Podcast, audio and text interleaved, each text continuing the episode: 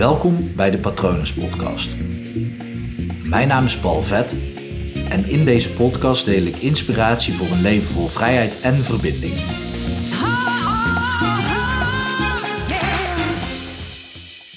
De plaats van je ouders is achter je. En dan specifiek je vader rechts achter je en je moeder links achter je. Echt als ik ja, bijna bij elke cliënt ja, echt bijna wel. Bijna bij elke cliënt die ik heb, zit dan niet helemaal goed. En nu doe ik daar dan een oefening mee. En niet altijd hoor, omdat ik ook een regressie doe, vaak in een van de drie sessies, of eigenlijk altijd. En daarin wordt dit probleem ook vanzelf opgelost. Maar het is een hele krachtige oefening die soms even alvast een, een voorzetje kan geven op wat later nog komen gaat. En ik heb echt al transformerende dingen meegemaakt, alleen al door deze oefening. En die oefening is heel simpel. Kan jij namelijk ook doen. Doe dit niet als je een voertuig aan het besturen bent uh, of als je aan het lopen bent. Maar sluit je ogen en plaats gewoon in gedachten je vader rechts achter je en je moeder links achter je. Hun beide buitenste armen, handen, die gaan op jouw schouders, zodat ze allebei één hand op jouw schouder leggen. En de andere vrije hand, daarmee grijpen ze elkaars handen en staan ze dus hand in hand achter je in gedachten. Ja, dit werkt juist heel sterk ehm, in wat voor situatie dan ook. Dus ehm, is een van je ouders overleden of al beide, dan werkt dit ook heel erg krachtig. Zijn ze gescheiden? Ja, laat ze dan ook echt uh, de hand vasthouden achter je rug. Want het gaat om het moment van conceptie dat er toen liefde was en dat jij toen steun hebt gekregen vanuit hen om. Ja, zij hebben jou het leven gegeven en daarmee zij zijn, zijn zij ook automatisch verantwoordelijk voor een deel van de steun van je. Wat heel veel ouders doen, is gewoon letterlijk voor je neus gaan staan om jou te beschermen. En dat is natuurlijk lastig, want als je jong bent en je wil de straat oversteken, en er komt een auto aan, ja, dan moet je hand wel even vastgegrepen worden voordat je opeens de straat oversteekt en je ondersteboven wordt gereden. dat wil je natuurlijk niet. Ehm, dus die scheidslijn is gewoon wat lastig. Maar wat veel ouders nog steeds doen, ook al ben je al lang volwassen, is nog steeds voor jou gaan staan. Om jou te beschermen tegen de grote boze buitenwereld. Of om verantwoordelijkheid voor jouw leven uit handen te nemen. En dat werkt niet. Want wat er dan dus gebeurt is, nou, als jij je ogen hebt gesloten en je ouders staan achter je, dan kijk je naar voren en is jouw toekomst vrij en open. Maar op het moment als daar een van je ouders of beide ouders gaan staan om jou te beschermen, dan blokkeren zij jouw toekomst. Nu kan er ook iets andersom aan de hand zijn. Het kan ook zijn dat jij het idee hebt van: hé, hey, ik weet inmiddels best wel wat over het leven, mijn ouders weten wat minder. Dus ik wil hen juist redden of hen beschermen. Dit zie je ook vaak gebeuren bij uh, gescheiden ouders. Want een kind neemt, ik zal niet te diep op ingaan, maar een kind neemt op onbewust niveau automatisch de verantwoordelijkheid over, nee, over van de breuk.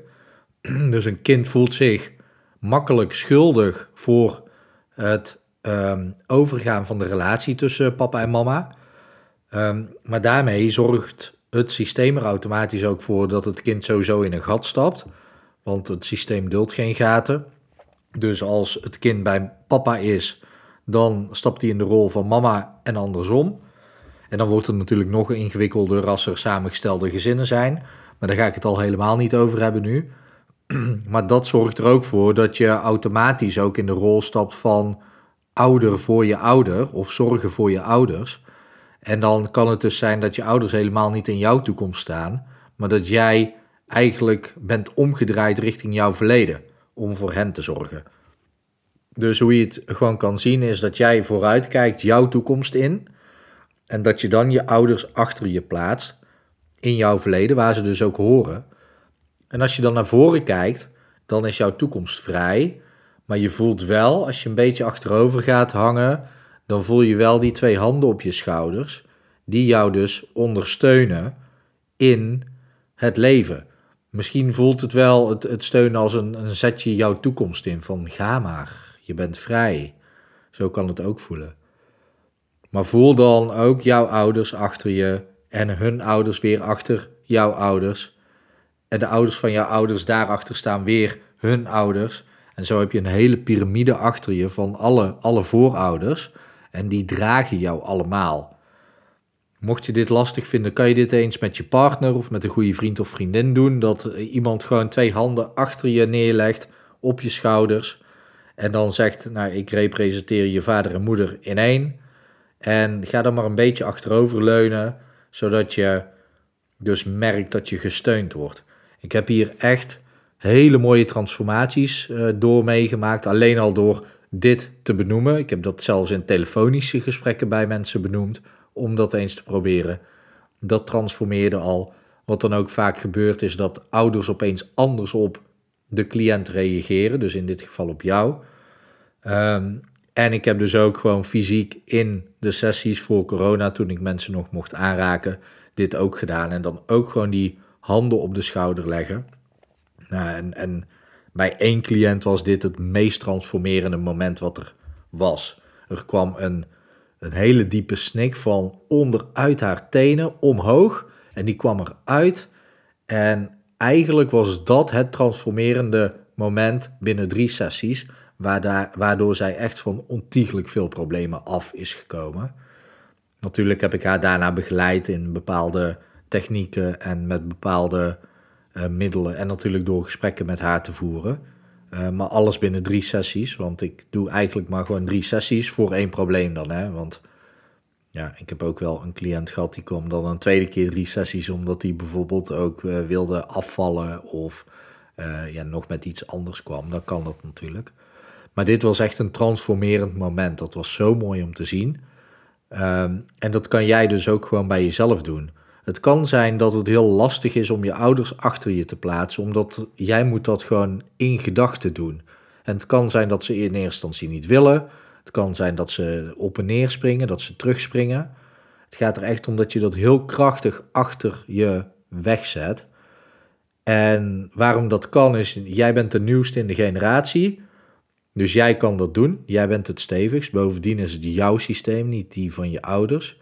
Dus jij hebt de kracht en de power om je ouders gewoon letterlijk achter je te plaatsen.